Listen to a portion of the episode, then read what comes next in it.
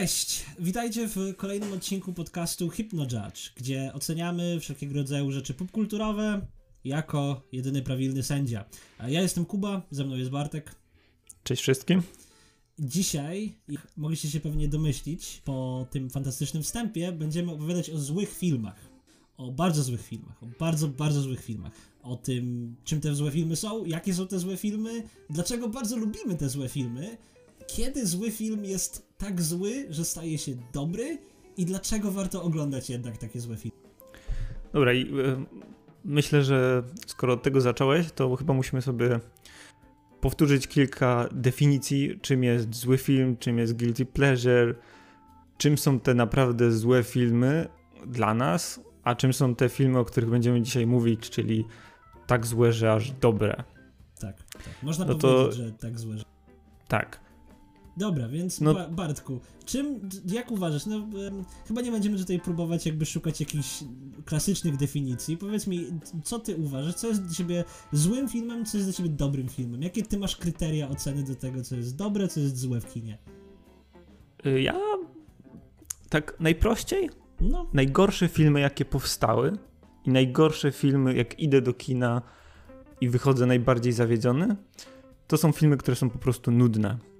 Są, ciągną się, nie mają fabuły. To są takie filmy, że po tygodniu już nie pamiętam o czym był. One nie są ani złe, ani charakterystyczne. Tam nie ma czegoś takiego jak złe aktorstwo, albo są złe sceny, to są takie mega poprawne, nudne filmy.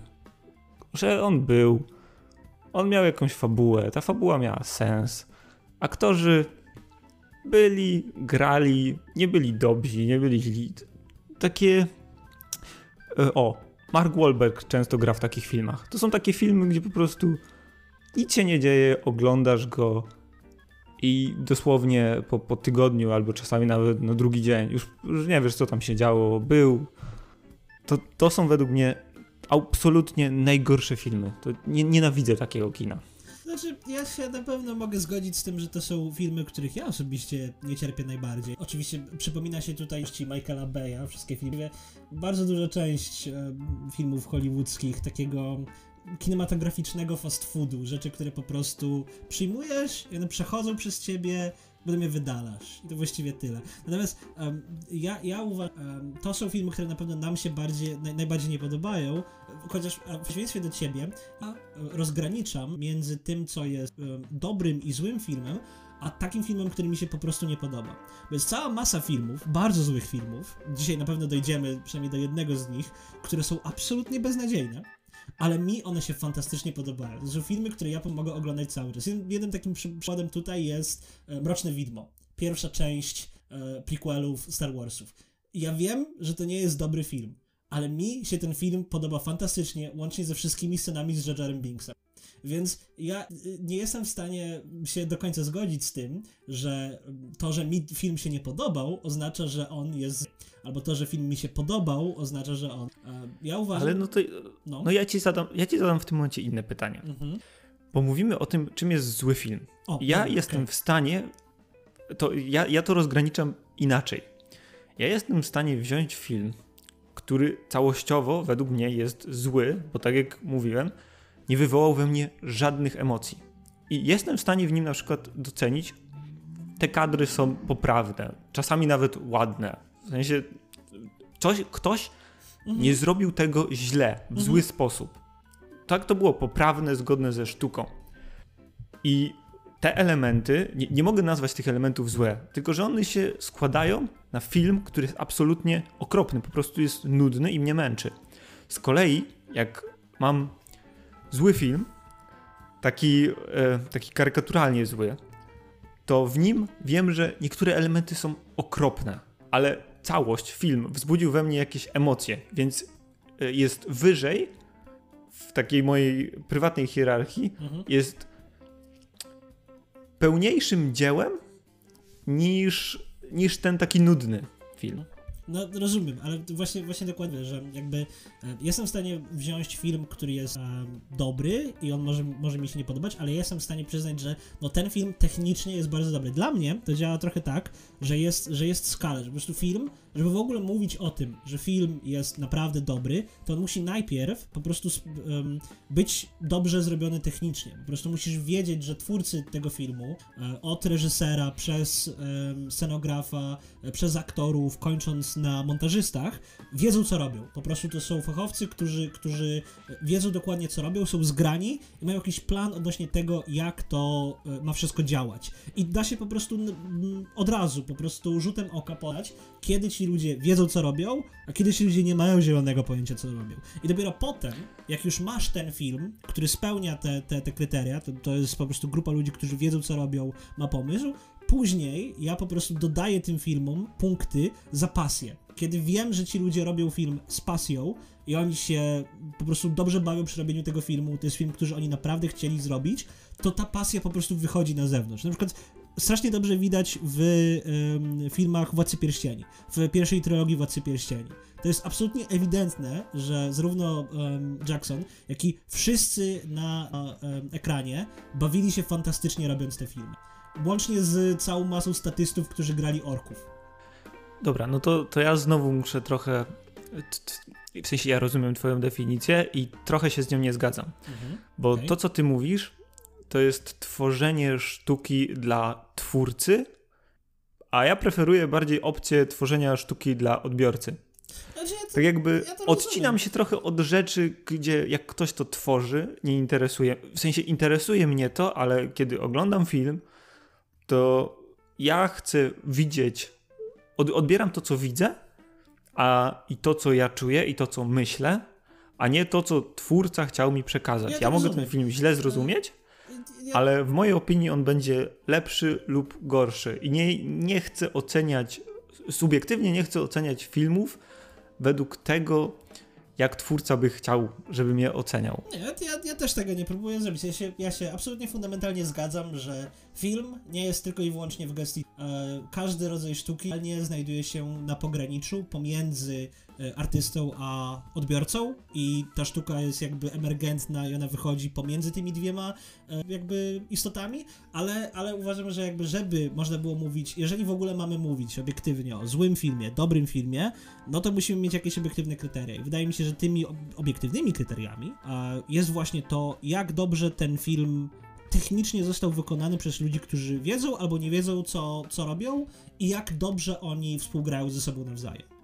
To jest, to jest w każdym razie moja definicja. Jestem przekonany, że, że zgodzimy się w kolejnym punkcie naszego podcastu co do tych filmów, że są one zdecydowanie złe. Niezależnie od tego, jaką chciałbyś mieć definicję tego, co jest złym filmem, a co jest dobrym filmem, um, te filmy na pewno są bardzo, bardzo złe, ale um, zdecydowanie są powody, dla których one nam się podobają. Jeszcze zanim przejdziemy do tego, zahaczmy na chwilę właśnie o tym guilty pleasure. Bartku, co, co, co ty uważasz jako guilty pleasure, co jest dla ciebie guilty pleasure i może daj mi przykłady rzeczy, które są dla ciebie jak w filmach. Dobra, to ja, to ja może zacznę od przykładu. Mhm. I przykład będzie z serialu. Bo od nie wiem, od lat 90., czyli w sumie chyba dłużej niż ja jestem na tym świecie, jest taka seria jak Power Rangers. Okej, okay, no. I niektórzy nie wiedzą, że co roku wychodzą nowe serie i to jest moje guilty pleasure. No, czekaj, naprawdę co roku dla 90. wychodzi nowa seria Power Rangers? Znaczy nie, nie, nie wiem czy co roku, ale wciąż wychodzą i tak wciąż są nowe, nowe serie. To znaczy ja wiedziałem o tym, że jakiś czas temu byli jeszcze nowi Power Ranger, Rangersi. Chyba ostatnim Power Rangers jakie ja widziałem było Time Force, które miało bardzo catchy, catchy opening ale nie miałem pojęcia, że one dalej do tej pory wychodzą. To, to z którego roku jest ostatnia seria Power Rangers? Z tego albo z poprzedniego. Mówisz poważnie? Nie miałem tak. pojęcia, stary. Okej, okay, dobra, to okay, ja muszę check. się podszkolić z tego ewidentnie, bo teraz jestem bardzo ciekaw, jak rzeczywiście Power Rangers dalej idzie do przodu. E, no to, to, to, no to widzisz, dowiedziałeś się czegoś nowego i to jest moje, to jest moje guilty pleasure, bo absolutnie wszystkie te seriale są paskudne są technicznie paskudne.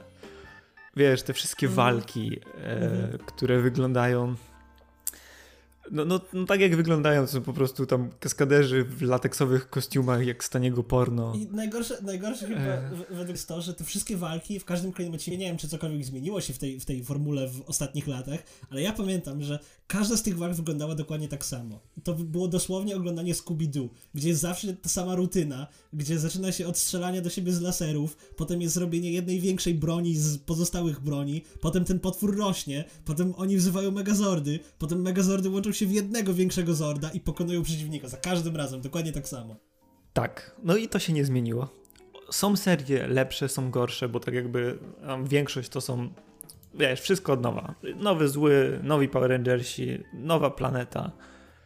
Y, źródło mocy jest całkiem inne. Po prostu wszystko się zmienia, a jednocześnie nic się nie zmienia. Mhm. I niektóre te serie próbują robić coś innego, coś lepszego, ale no ogólnie to, to są naprawdę złe seriale i no nie jestem w stanie ich niczym bronić, ale ja je uwielbiam. Mhm. I za każdym razem jak wychodzi nowa seria, siadam, oglądam. Na szczęście chyba wszystkie są na Netflixie, także y, jak ktoś ma wolny czas i chce, to, to ja serdecznie polecam.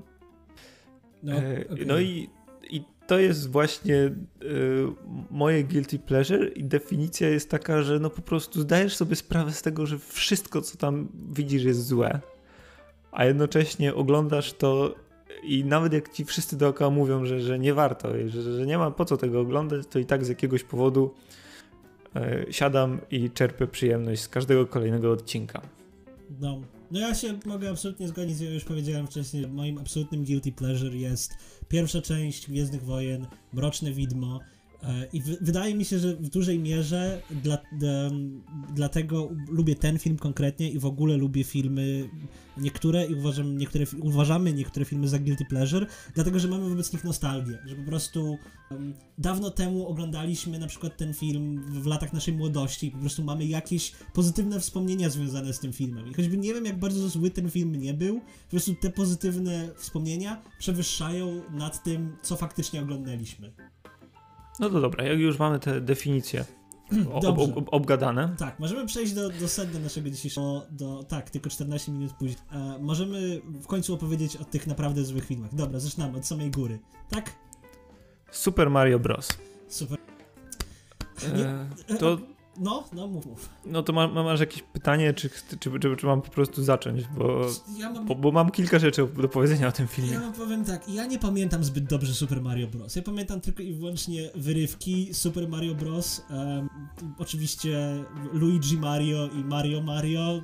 On jest moim bratem i kuzynem, co jest samo w sobie nadzwyczajne. Wyrywki tego, że gumbasy były dziwne, ale pamiętam, że słowo daję. Kiedy ja oglądałem ten, e, jak byłem mały, bo ja oglądałem ten film będąc małym chłopcem, miałem wtedy może 11 lat, to ja nie miałem zielonego pojęcia, że to jest faktycznie związane z jakąkolwiek grą. Dopiero później, dużo, dużo później, połączyłem kropki, że czekaj, Mario Bros? Mario? Te rzeczy są ze sobą jakoś związane? To, to jest ten Mario. Jak, jak ktoś oglądnie ten film, to, to też może mieć pewne wątpliwości, czy to jest ten Mario, ale tak, to jest ten Mario. Ja oglądałem ten film bardzo świeżo, bo wyszedł na Netflixie, nie wiem, trzy tygodnie temu. E, Więc e, naszło mnie kilka kwestii z nim związanych. Po pierwsze, e, myślę, że ten film stał się dosyć popularny, bo on jest popularny, głównie przez fakt, że to była pierwsza adaptacja gier wideo. Była pierwsza adaptacja gier wideo, nie pierwsza. Wydaje, wydaje mi się, że, że tak, że przed Mario nic nie było. Ale nie, jak ktoś wie albo się mylimy w tym momencie, To, to, to, możecie nas po, Tak, tak, Tak. Kom- komentować.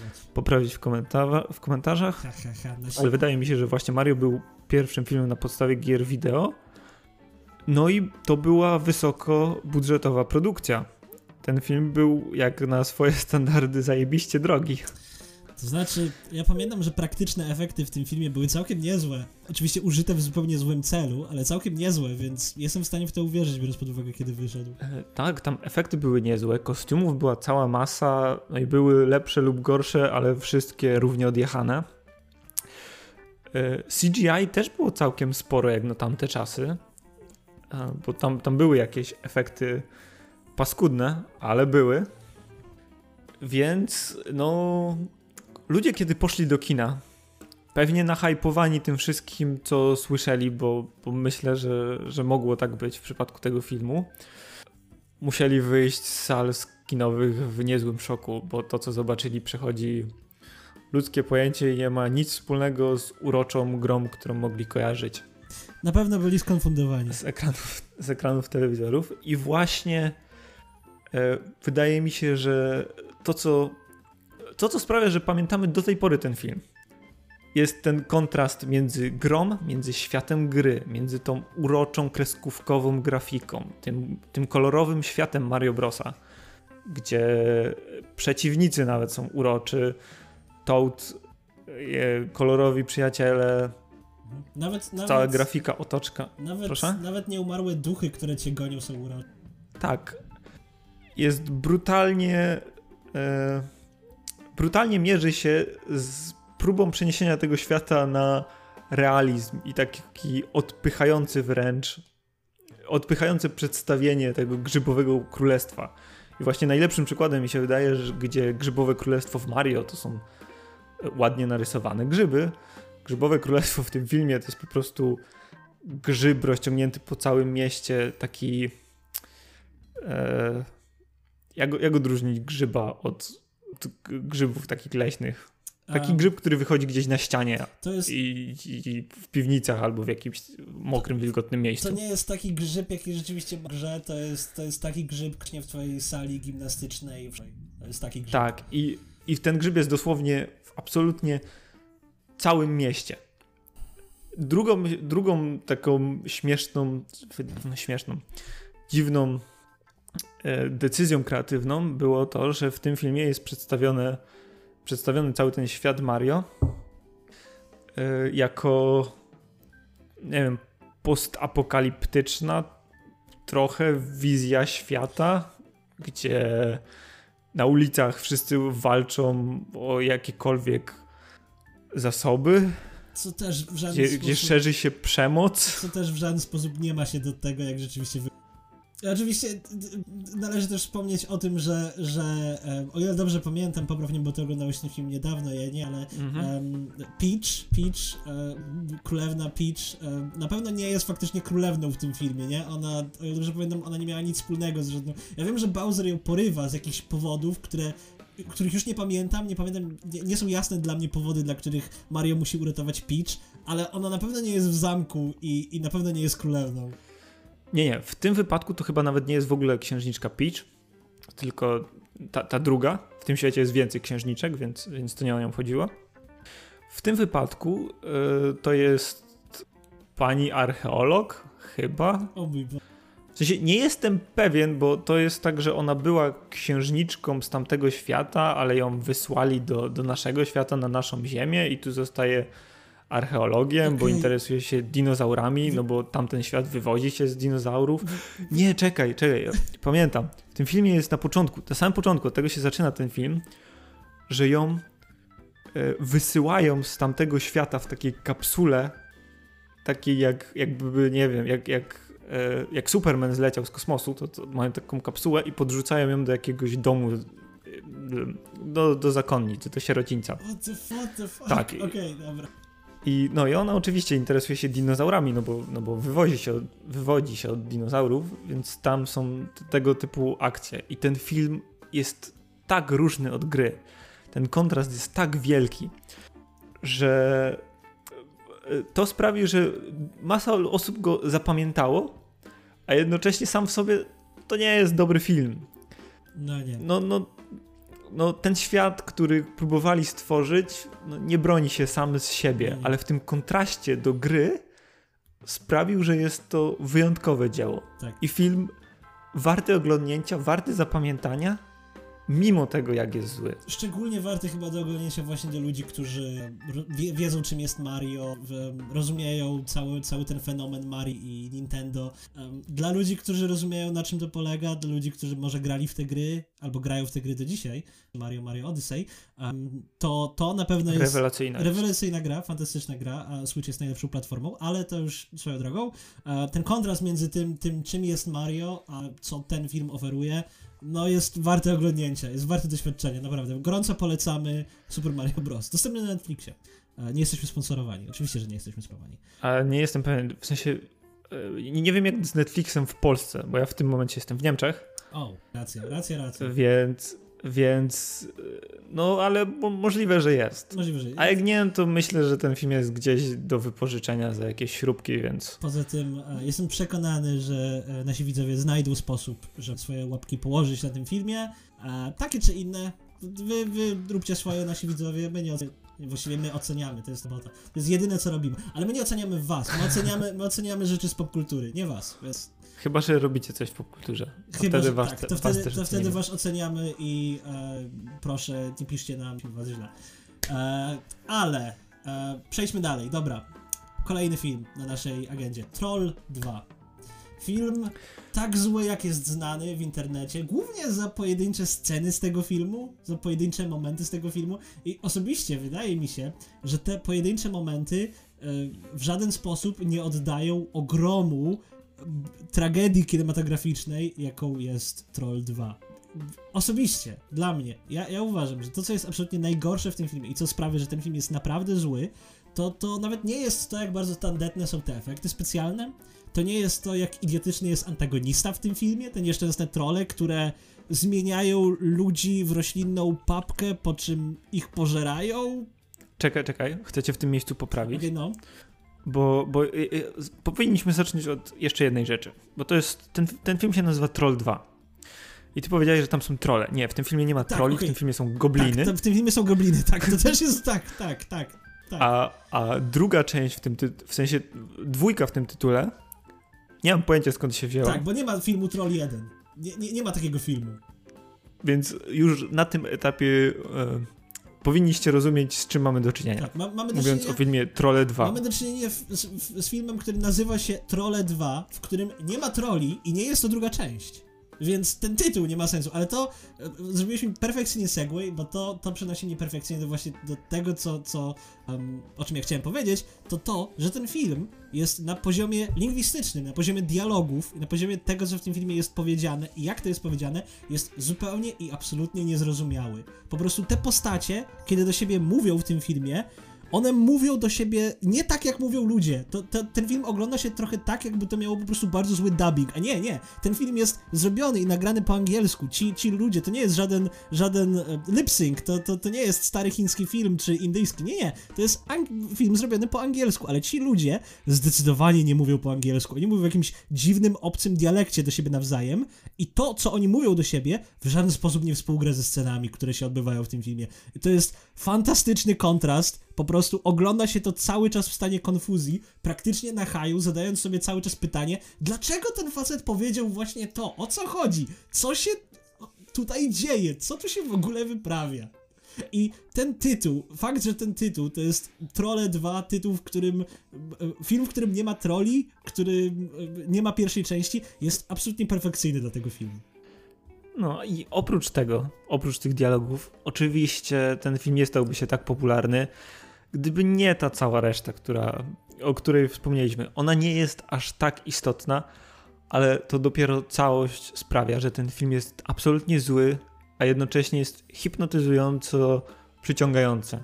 Po prostu jak siądziesz i go włączysz, chcesz go oglądać, chcesz zobaczyć następną scenę, mimo że zdajesz sobie sprawę, jak marna jest ta, którą właśnie Co widzisz. jest, co jest najgorsze, ty oglądasz ten film, mając taką, taką cichą nadzieję, że w końcu to wszystko zacznie mieć sens, ale na pewnym poziomie zdajesz sobie sprawę z tego, że nie, nie ma takiej możliwości. Tutaj nic nie będzie mieć sensu. Oglądasz Trolle 2, popełniłeś błąd i to już tak będzie cały czas. I to jest, to jest na pewnym poziomie absolutnie piękne w tym filmie. Trzeba przyznać, że, że z tych wszystkich filmów, które ty, tutaj mamy, Trolle 2 na pewno em, film, który jest większy niż suma swoich części i jakimś cudem ta suma jest dużo mniejsza niż te części. Nadzwyczajne, absolutnie nadzwyczajne. Dobra, To wszedłeś w zbyt skomplikowaną matematykę. To, Okej, to, to, okej. Ja już nie, ja już nie ogarniam Okej, na tym poziomie sum, sum i części. Dobra. I myślę, że autor kolejnego filmu też nie ogarnia sum, części, tego co się dzieje na świecie i tego, gdzie w ogóle żyjemy, ani co się dzieje wokół niego. I mówimy tutaj oczywiście o Tomie Wiseau, reżyserze, scenarzyście, głównym aktorze filmu The Room. Oj, The Room. The Room. Film e, The Room, który jest absolutnym fenomenem. Nie ma osoby w internecie, która nie zna The Room. Myślę, że chyba już każdy ten film oglądał, każdy ten film widział. E, nie polecam oglądania go samemu. Polecam go oglądać w towarzystwie, dlatego że e, w przeciwieństwie do, do filmów, które tutaj mamy, The Room potrafi być momentami nudny potrafi być momentami, e, ma, ma, ma parę takich momentów, w których to jest po prostu na przykład e, obraz miasta, który się przesuwa i po prostu widać tylko miasto, które ten obraz w pewnym momencie przechodzi w inny obraz. I te obrazy oczywiście nie mają żadnego sensu, ale, ale w przeciwieństwie do wszystkich innych filmów, ten film jest troszkę nudny, jeżeli nie ogląda się go w drużynie. Jeżeli ogląda się go z drużyną, to jest to najlepszy film na świecie. Tak, zdecydowanie. Ale ten film też wyróżnia się y, trochę jed, jeszcze jedną rzeczą, bardziej niż pozostałe z tej listy, właśnie osobą Tomiego, który stoi za tym całym projektem i robi robi hmm, jakby to nazwać tworzy film wbrew wszystkiemu po swojemu. No, zdecydowanie można tak powiedzieć. Jedną, jedną rzecz, którą trzeba powiedzieć w tym filmie, że tak jak na początku tego odcinka mówiłem o tym, że film musi być technicznie zrobiony dobrze, że po prostu musi to być e, banda fachowców, którzy wiedzą, co robią i dobrze ze sobą współgrają. Ten film jest absolutną antytezą tego stwierdzenia. Tam nic nie działa ze sobą nawzajem. Żaden kadr nie ma sensu żadna, żadna, e, żaden element dialogu nie ma sensu. Światło nie ma sensu. Um, nic w tym filmie nie ma sensu. Tommy, ale Tommy Wiseau jako osoba, jako twórca jest do tej pory święcie przekonany, że to jest tak powinno być zrobione, że to jest fantastyczny film i że to wszystko dokładnie tak powinno było być zrobione. Nie ma nic, co w tym filmie można by poprawić. No, a propos Tomiego, to jeszcze możemy wspomnieć o tym, co też jakoś niedawno wypłynęło. Wyszło, pra, pra, prawda, wyszła na jaw.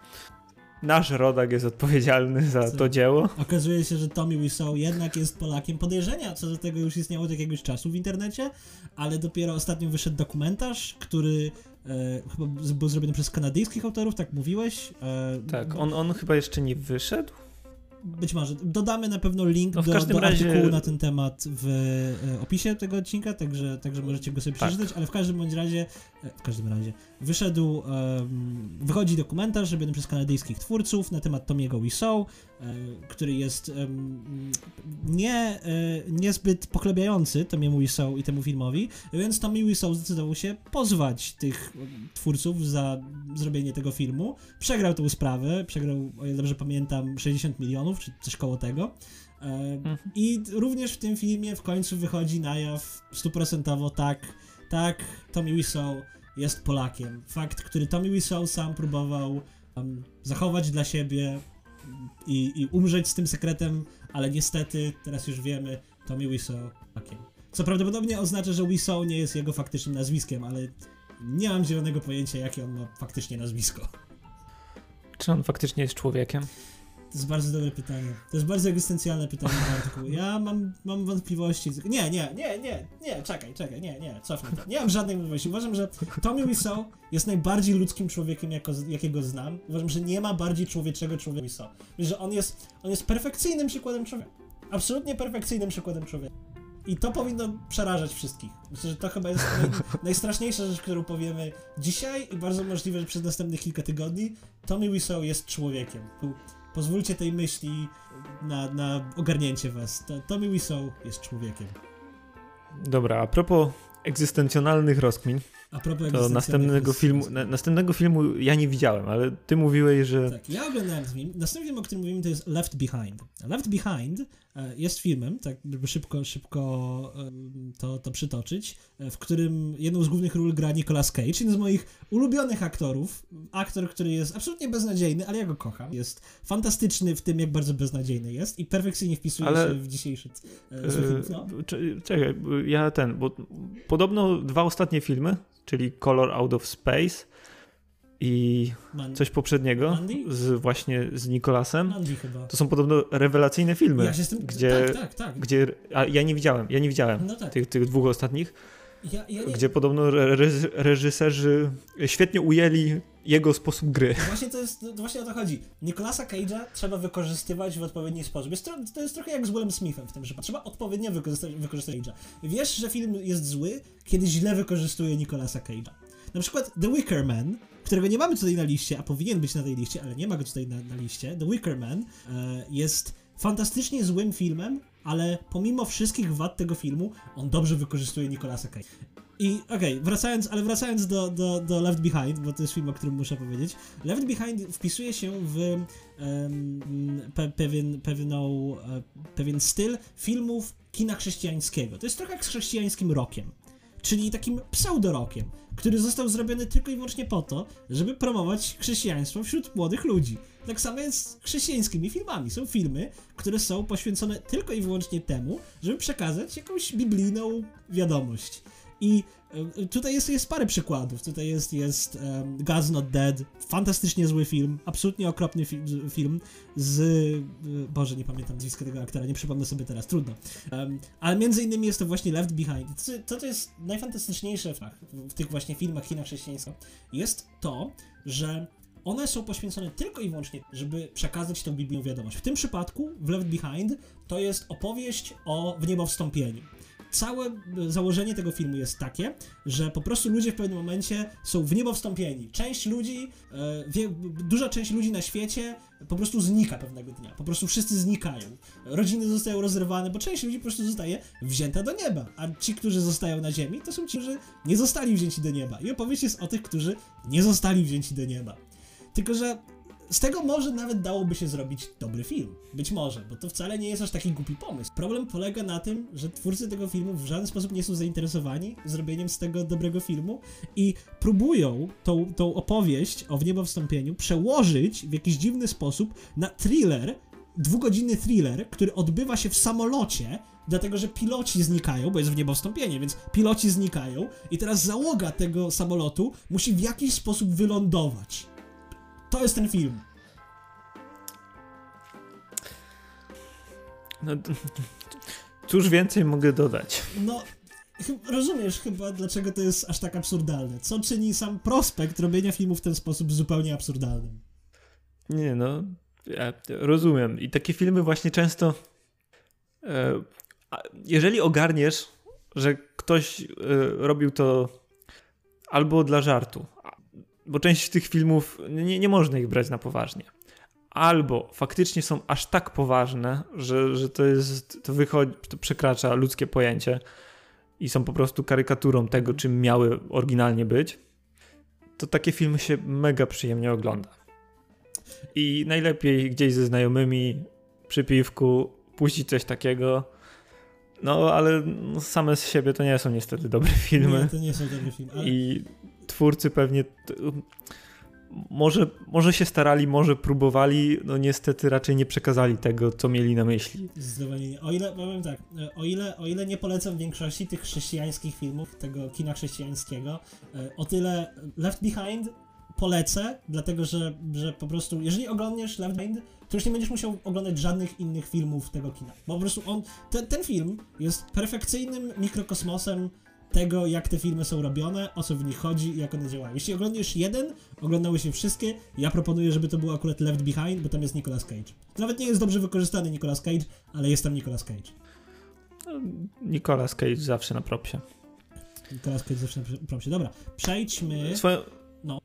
No, chciałem jeszcze wspomnieć, że to nie jest ostatni raz, kiedy pojawi się u nas na liście, ale Dojdziemy do tego jeszcze. Tak, jeszcze do tego dojdziemy. Eee, zróbmy tutaj małą, małą rundkę wokół, żebym ja nie mówił cały czas o, o kolejnych filmach.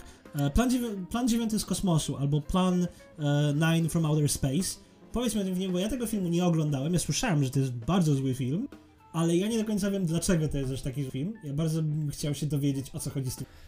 Dobra, więc ten film zasłynął chyba z dwóch powodów. Po pierwsze, jest najstarszy na tej liście więc siłą rzeczy powstał wcześniej niż wszystkie pozostałe i miał najwięcej czasu, żeby się zapisać e, w historii kinematografii. Po części to jest też przykład mm, tego, co stało za The Room i za Wiseau, ponieważ reżyser tego filmu, Ed Wood, był człowiekiem oderwanym od naszej planety.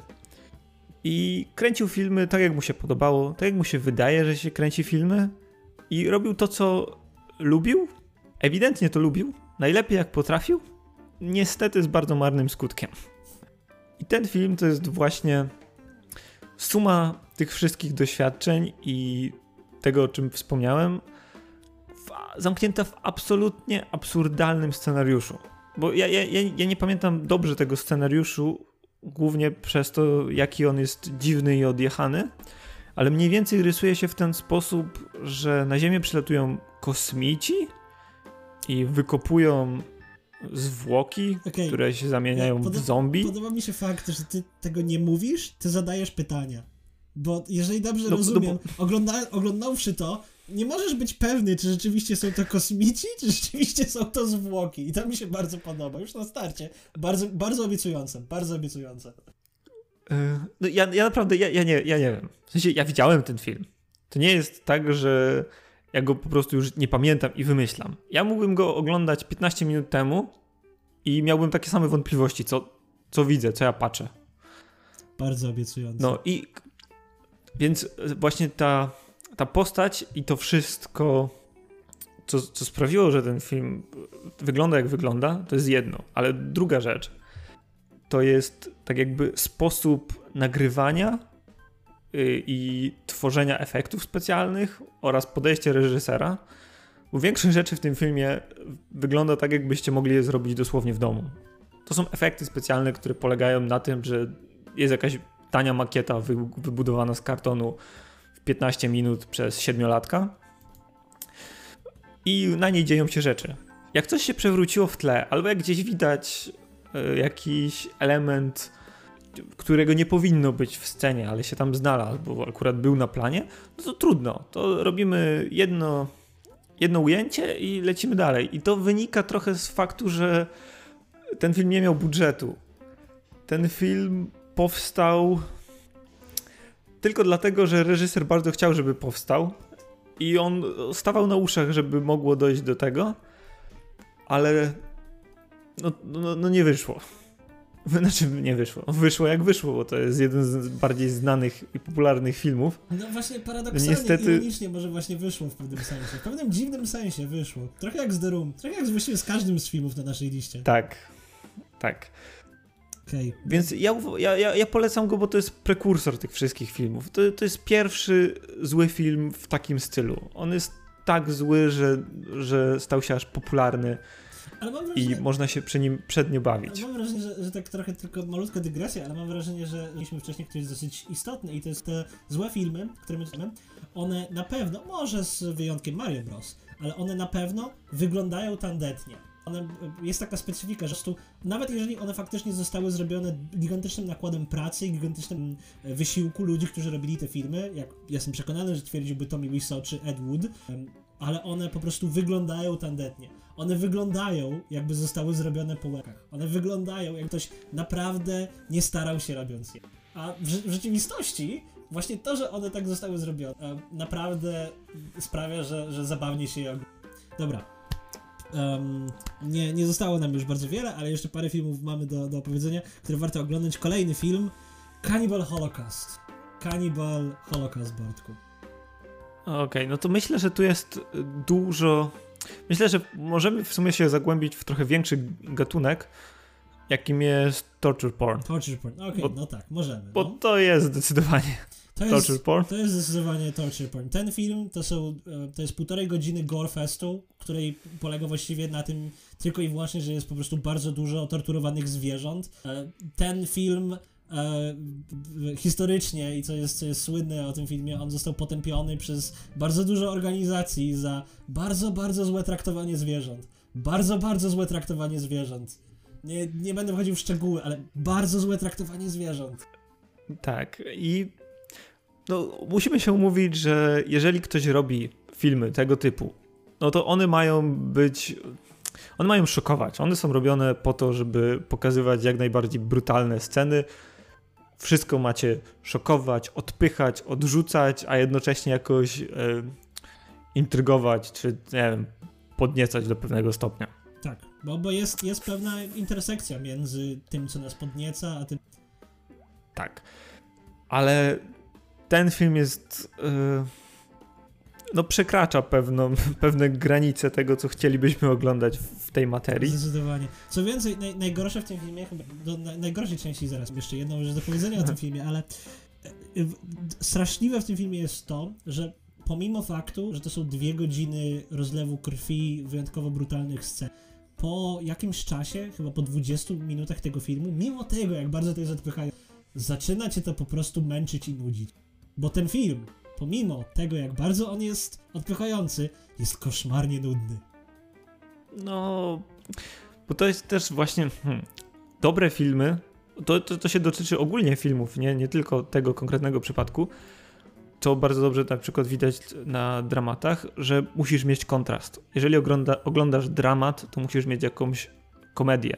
Jeżeli oglądasz horror i jumpscare macie przestraszyć, to musisz mieć ciszę. Tak, musisz mieć... Jeżeli oglądasz torture porn, to żeby musisz mieć momenty odpoczynku, musisz mieć jakiś relaksacyjny obraz, który cię uspokoi, żeby następna scena mogła cię zszokować. Tak, tak. Musisz... Jak widzisz coś takiego non-stop, no to, tak, to tak. traci sens. Zdecydowanie, musisz mieć, musisz mieć to budowanie napięcia i wyzwolenie. Budowanie napięcia i wyzwolenie. Po prostu nie możesz cały czas rzucać w człowieka non-stop serię e, negatywnych obrazów. Po pewnym momencie człowiek po prostu absolutnie traci zainteresowanie tym. Niezależnie od tego, jak bardzo e, okropne byłoby to, co się dzieje na ekranie, na momentu um, spadku tego napięcia, to po prostu człowiek, po prostu mózg człowieka się wyłamie. To wszystko jest, jest złe w tym filmie. Najgorsze w tym filmie jest, że ten film ma po prostu. Ma jajca jak wertepy po prostu. No, ten film um, prezentuje się jako, jako uh, found footage film, gdzie um, E, narrator tego filmu znajduje kasetę wideo, którą nagrali nastolatkowie, którzy wylądowali na bezludnej wyspie w gąszczu i muszą w tym gąszczu przeżyć. I oni tam w tym gąszczu znajdują e, niebezpieczne zwierzęta, e, kanibali, stąd właśnie ta nazwa, Cannibal Holocaust. I ten film kończy się takim, takim właściwie zniszczeniem tej, tej wioski kanibalskiej przez tych nastolatków i potem zemstą tych kanibali na tych nastolatkach. I najgorsze w tym filmie jest to, że na samym końcu ten narrator, to jest ostatnia scena tego filmu, on zadaje do kamery takie bardzo egzystencjonalne pytanie. Kto tutaj jest prawdziwym kanibałem? I to jest. To po prostu chyba najbardziej gryzie w tym filmie, dlatego że to jest idiotyczne pytanie, biorąc pod uwagę, że właśnie oglądaliśmy dwie godziny torture porn. ja wiem, kto jest kanibalem w tym filmie i to są kanibale w tym filmie, co do tego nie ma żadnych wątpliwości. Zadawanie tego egzystencjonalnego pytania na, na końcu tego filmu jest po prostu kopnięciem w brzuch, bo to pytanie bierze się kompletnie znikąd, biorąc pod uwagę to, co właśnie oglądaliśmy. Ale ten film naprawdę wierzy w to, że może zadać to egzystencjonalne pytanie, kto tak naprawdę jest tutaj prawdziwym kanibalem? Więc Bartku, kto tak naprawdę jest tutaj prawdziwym kanibalem? Może to jest właśnie ten kontrast, który próbowali budować przez cały film. Może, może. I udało im się go zbudować tylko w ostatniej scenie. Gratulacje. Gratu po prostu lację. Zbudowali ten kontrast w ostatniej scenie tego filmu. Trochę za późno, hej. ale hej. Hej, są filmy, które wiesz, dopiero na samym końcu ujawniają ci prawdziwy sens. No, okej, okay, dobra, tak, tak. True Blue, tak, Requiem dla snu pewnie. No, y, nie, wszystkie filmy tego. Szamalana? Yy, Szamalana, no. O, w ogóle kiedyś możemy o tym porozmawiać, bo to jest... Powinniśmy poświęcić, Szamalanowi powinniśmy poświęcić jeden cały osobny odcinek, bo to jest... Bardzo chętnie. To jest człowiek złoto, e, ale on ma pewne problemy. Ja, ja bardzo lubię niektóre jego filmy. Ja na przykład lubię Dreamcatchera do tej pory, lubię Znaki, lubię Osadę, rozumiem dlaczego to są złe Wizytę filmy. widziałeś? Proszę? A wizytę widziałeś? Wizyty chyba nie widziałem. Wizyta. To jest, to jest... E, wizyta to jest... Nie wiem, to, to jest stosunkowo nowy film. 3 lata może mieć. I to jest chyba jego najlepszy film, tak całkiem nieironicznie. To jest naprawdę nie, na kawał solidnego nie, filmu. Jego najlepszy film jest Szósty Zmysł i to pozostanie jego najlepszy film. Ja nie wyobrażam sobie, nie. że naprawdę... Nie zgodzę się. Twierdzisz, że, że Wizyta jest lepsza niż Szósty Zmysł? Eee, ile razy widziałeś Szósty Zmysł? Kilka razy. Bo ja, ja widziałem właśnie też więcej niż raz ten film i wydaje mi się, że Szósty Zmysł jest dobry tylko raz że jak już, jak już wiesz, o, o czym jest szósty zmysł, to, to już nie jest dobry film. Hmm. I według mnie wizyta mm, mimo tego, że działa trochę na podobnej zasadzie, to jest dużo lepszym filmem. Jest dużo pełniejszym dziełem, jest dużo lepiej zrealizowana. Okej, okay, to, to rzeczywiście kończy. Dobra, okej, okay. ale kończąc o, o Shyamalanie, bo mówię, Wrócimy, wrócimy do, do niego. Wrócimy do niego. O nim warto mówić. To, to, jest, to jest złoty chłopak i Są jeszcze dwa filmy, o których ja chciałem konkretnie powiedzieć. Trochę jako mój guilty pleasure. Um, I to, to też są bardzo złe filmy, ale warto pomnieć. I pierwszym z nich to jest Batman i Robin, którego ty, Bartku, nie oglądałeś. Nie, nie widziałem. Widziałem większość rzeczy związanych z Batmanem, ale ten z różnych powodów jakoś mi umknął. Batman i... Pewnie kiedyś nadrobię. Powinieneś, znaczy, może być może nie powinieneś. Batman i Robin, jak, jak być może ludzie, którzy oglądają ten podcast wiedzą, jest, jest filmem, który powstał po filmach Bartona, po filmach Adama Westa, przed e, filmami Nolana o Czarnym Rycerzu i ten film, największym problemem tego filmu o Batmanie, przypominamy, filmu o Batmanie, o postaci komiksowej Batmana e, i historii z doktorem Freezem, z Poison Ivy, oczywiście to jest, to nie jest ściśle związane z komiksami, to jest właściwie zrobione tak na podstawie komiksów, ale to nie jest żadna konkretna historia z komiksu. Ale to, co jest, jest fantastyczne w tym filmie, jest to, że ten film nie jest w stanie zrozumieć, jaki ma ton. On nie wie, czy on jest mrocznym filmem w stylu Bartona i Nolana, czy on jest e, filmem akcji w stylu filmów Adama Westa, czy to jest campy film Adama Westa. I pomiędzy scenami, które rzekomo mają być um, mroczne i, i, i um, takie właśnie realistyczne, mamy właśnie Schwarzeneggera w roli doktora Freeza, który rzuca e, hasełkami w stylu What killed the dinosaurs? The Ice Age i strzela swoim promieniem lodowym, bo to jest coś, co Dr. Freeze robi. Mamy takie rzeczy jak bat karta kredytowa, albo bat sutki na bat kostiumie. Po prostu zupełnie absurdalne rzeczy, które nie mają miejsca w tym, w tym e, rzekomo poważnym filmie, ale osobiście, dla mnie, to są właśnie te elementy tego filmu, które ja kocham. Po prostu ja mogę oglądać Schwarzeneggera w roli Freeza za każdym razem i za każdym razem będę oglądał ten film z bananem na twarzy, bo mam po prostu wobec tego filmu aż tak absurdalną nostalgię. Ty jesteś? Tak, jestem. Czy, czy, czy masz, masz coś do powiedzenia na ten temat jeszcze? Jakieś pytania może? E, nie, nie, nie. Dobra. Nie, ja po prostu wiem, że kiedyś muszę, e, wiem, że kiedyś muszę zobaczyć ten film. Powinniśmy go razem oglądać. Generalnie rzecz biorąc, mocno polecam ten film. Uważam, że to jest fantastyczny, zły film. A ja mam do niego gigantyczną nostalgię i go polecam. Jeszcze, jeszcze jedna mała, mała wzmianka e, tu pro bono dla mojego fage'a, którego ja kocham, jest moim husbando, uwielbiam lepszym, najgorszym aktorem, jakiego ma Hollywood. E, sławny człowiek, który e, przez temu sprzedał swoją czaszkę dinozaura, którą kupił na aukcji za 120 milionów dolarów, bo cała jego kasa, którą zrobił na filmach się skończyła. Biedny, biedny facet, który gra w naprawdę złych filmach, bo po prostu nie ma kasy, ale niektóre jego filmy są fantastyczne. Ghost Rider Spirit of Vengeance gorąco polecam, bo to jest film, w którym Nicolas Cage jest po prostu najbardziej Nicolasowym Cage'em Nicolasem. Wickerman polecam bardzo gorąco. Uh, Mandy też polecam, ale z innych powodów to jest naprawdę dobry film. Tak samo jak Lord of War, to są dobre filmy z Nicolasem Cage'em. Skarb Narodów bardzo polecam, bardzo zły film, ale ma bardzo dobrego Nicolasa Cage'a. E, ja lubię Skarb Narodów. Ska znaczy, dawno... Czekaj, da da dawno go nie widziałem. I ostatni raz jak go widziałem, to, to byłem jeszcze dzieciak, więc ja go mogę źle pamiętać. To jest bardzo zły film. To, to ja, ja cię ostrzegam. To, możliwe. To, to jest możliwe, ale... To jest dużo gorszy film niż go pamiętasz, ale ma dobrego Nicolasa Cage'a. Możliwe, ale ja się, ja jako film przygotowy wtedy, jak go oglądałem za dzieciaka, bawiłem się całkiem nieźle i chyba nie chcę go oglądać teraz, żeby sobie tego wrażenia nie popsuć. Generalnie po prostu będę go pamiętał jako dobry film. E, Face Off, Face Off jest, jest, jest genialnym filmem z Nicolasem Cage'em. Po prostu Nicolas Cage próbujący e, być, być bardziej campy, hami aktorem niż John Travolta, który w tym samym czasie próbuje być bardziej hami e, aktorem niż Nicolas Cage którzy grają w filmie Johna Woo, to jest najlepszy film na świecie. Face Off jest najlepszym filmem na świecie. Zapomniałem, że to widziałem. Tak, a to jest, to jest fantastyczny o, to jest film. dobry film. To jest, tak. to jest bardzo zły film, jest... ale on jest tak dobry. To jest, to jest, to jest niezłe gówno. To jest no, niezłe to... gówno, ale naprawdę warto oglądać gówno. Naprawdę, Face Off zdecydowanie polecam. I na samym końcu, zanim przejdziemy do jakby ostatniego elementu naszego dzisiejszego odcinka, ostatni film, o którym chciałem powiedzieć, nie film, ale anime dla, dla naszych widzów, którzy może oglądają anime. Nie, nie, nie będziemy mówić zbyt często w tym podcaście, e, ale, ale to anime perfekcyjnie wpisuje się w to, o czym mówimy dzisiaj, czyli złe filmy. I to anime nazywa się Majoiga. Ty na pewno tego nie oglądałeś, ty tego nie oglądałeś. Nie, nie mam pojęcia co to jest. Majoiga, Powiedz mi więcej. Majoiga jest, jest 12-odcinkowym anime, tak, takim, takie pół sezonu, normalne anime. Można to spokojnie oglądać w 2-3 posiedzenia, w zależności od tego, ile kto ma czasu. Um, ale założenie Majoigi jest takie.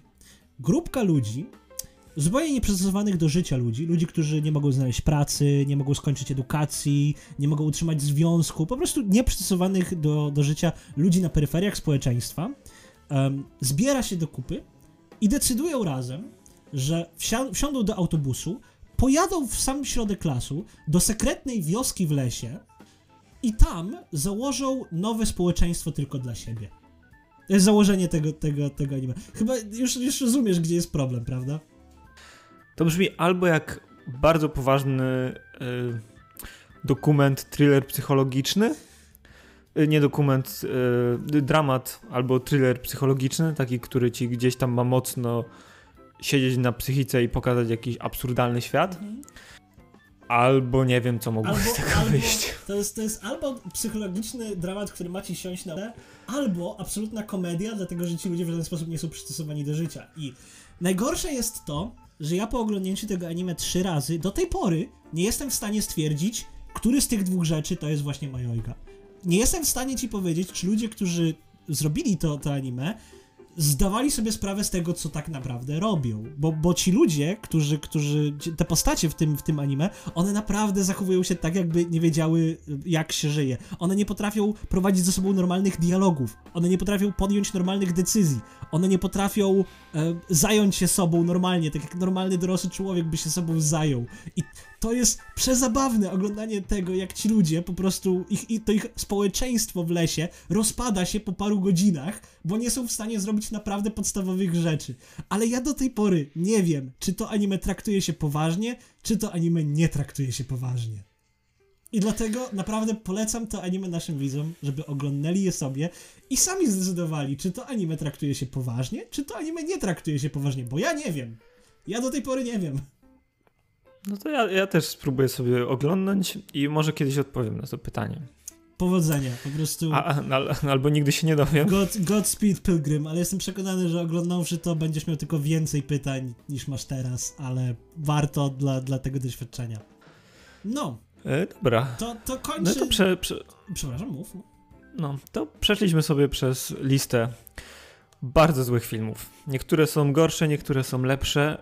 Generalnie wszystkie warto oglądać z jakiegoś powodu. Mam nadzieję, że, że wymieniliśmy te powody w miarę jasno i wiecie, czemu warto oglądać te filmy, bo wszystkie są na swój sposób oryginalne. I mimo tego, jak są złe, to przyciągnęły już y, miliony fanów na całym świecie i myślę, że to się będzie zmieniać tylko na plus. Tych fanów będzie tylko więcej. Ale w związku z tymi filmami, przynajmniej z niektórymi z tych filmów i sposób, w jaki powstały, były one inspiracją do powstania naprawdę dobrych filmów. Wręcz rewelacyjnych albo wybitnych filmów nagradzanych. I kilka słów właśnie chcemy jeszcze powiedzieć o tych dziełach, które wywodzą się z tych, no, oryginalnych, ale na pewno nie można ich nazwać e, tak ogólnie, obiektywnie dobrymi filmami. I pierwszym z tych filmów na podstawie e, właśnie który opowiada o tym, jak powstał Plan 9 z kosmosu, jest Ed Wood. Film Ed Wood. W reżyserii. Film, film o tytule tak. Ed Wood. Także... Film Ed Wood w reżyserii Tima Bartona. Z, w roli głównej jest tam Johnny Depp. I właśnie tam można zobaczyć, jak, jak powstawał Plan 9 z kosmosu, jakie miał problemy, jakie miał. z czym musiał się mierzyć tamten reżyser i jaką był osobą a jednocześnie sam z siebie jest to rewelacyjny film. No jak ktoś lubi Tima Burtona, no to to jest jeszcze mm, Burton za dobrych czasów, kiedy, kiedy umiał kręcić filmy. Sprzed, sprzed Alicją w... jakkolwiek nazywał się tak. ten film. Sprzed Alicji. Sprzed Alicji. E, Alicja w Krainie Czarów. Tak, sprzed, Barton tak. sprzed Alicji w Krainie Czarów. O, swoją drogą, a propos złych filmów, to druga Alicja to też jest. Czekaj, jest w ogóle drugi. Nie, okej. Okay. Inny film. Okay. To już nie było chyba w reżyserii Bertona. Jest druga Alicja i to jest film o tym, że się podróżuje w czasie, żeby zjeść ciastko. No, tak, oczywiście, to ma sens. To jest naturalna progresja. To, to jest to, o czym musiała być następna Alicja w Krainie Czarów. Tak, ale no wracając jeszcze do Eda Uda, to właśnie e, jak ktoś nie lubi oglądać złych filmów, nawet jak, jak to są aż tak złe filmy, wręcz ironicznie złe, to, to Eda Uda warto zobaczyć, żeby poznać historię, jak powstają takie filmy, skąd się biorą takie dzieła i jak myślą autorzy tych filmów, albo co, co wpłynęło na to, że to, to dzieło powstało w ten, a nie w inny sposób. I co stało za tym, jaka historia. Bo to są naprawdę bardzo ciekawe rzeczy, ciekawe historie i no, życie pisze najlepsze scenariusze. I te filmy to zdecydowanie najlepiej pokazują. I kolejnym filmem w bardzo podobnym klimacie jest The Disaster Artist, który no, robi dokładnie to samo, tylko opowiada historię Tomiego Wise'u i powstawania The Room. Warto wspomnieć Disaster Artist e, wykonany przez Jamesa Franco, przez Marka w filmie Tomiego Wiseau, dobrego przyjaciela e, Tomiego Wiseau rzekomo, bo ich, ich historia jest dosyć skomplikowana i opowiedziana jakby opowiedziana przez Tomiego Wiseau jest trochę inna niż opowiedziana przez Jamesa Franka. E, tak. No i ostatnim takim filmem jest dostępny na Netflixie i opowiada o filmie, którego tutaj e, nie, nie wymieniliśmy, ale to jest film, nazywam się Dolemite, e, który był zainspirowany filmem właśnie Dolemite. E, w tym filmie jest głównym, głównego bohatera wciela się Eddie Murphy, jest absolutnie rewelacyjny i przedstawia historię o tym, jak czarnoskóry komik z wielkimi marzeniami przechodzi historię od sprzedawania bodajże płyt, w, płyt winylowych w sklepie do kręcenia własnych filmów. Bardzo specyficznych filmów, nie za dobrych, nie aż tak złych chyba jak te wszystkie, które tu wymieniliśmy, ale generalnie schemat jest utrzymany tak jak w dwóch poprzednich. Wszystkie te historie warto prześledzić, bo same z siebie to są po prostu dobre, nagradzane filmy. E, warto powiedzieć o tym, że w pewien, pewien ironiczny sposób, paradoksalnie, tych dobrych filmów, tego właśnie Eda Wooda, Disaster Artist, nazywam się Dolomite, nie byłoby, gdy no, no, czasami tragiczne historie, naprawdę. Kochajmy te złe filmy za tym, czym są. Kochajmy te potwory kinematograficzne, które, wytwarzamy z różnych powodów. Na pewno dlatego, że możemy się zmieniać, na pewno dlatego, że e, wprowadzają nas w stan konfuzji i dysonansu kognitywnego, ale też dlatego, że tak jak powiedziałem wcześniej odnośnie tego, czasami pokazują, jak bardzo ludzcy naprawdę kiepscy artyści.